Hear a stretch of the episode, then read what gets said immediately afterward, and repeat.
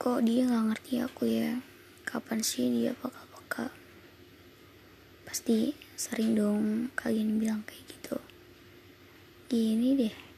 Don't expect too much if you don't communicate kalau kamu nggak pernah ngomong apa yang kamu inginkan ya jangan berekspektasi terlalu banyak.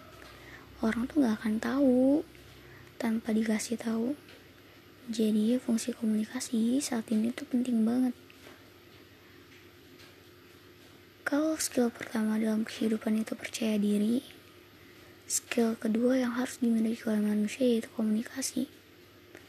Bisa menyampaikan apa yang dimau itu privilege tersendiri loh. Kalau susah banget berkomunikasi sama orang lain ayo mulai deh biasa dari sekarang.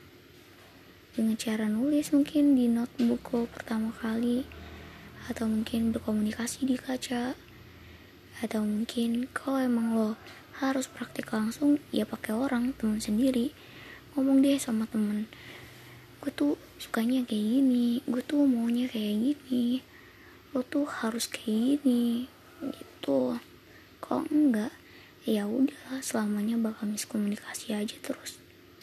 So kalau belum bisa yuk biasa bareng-bareng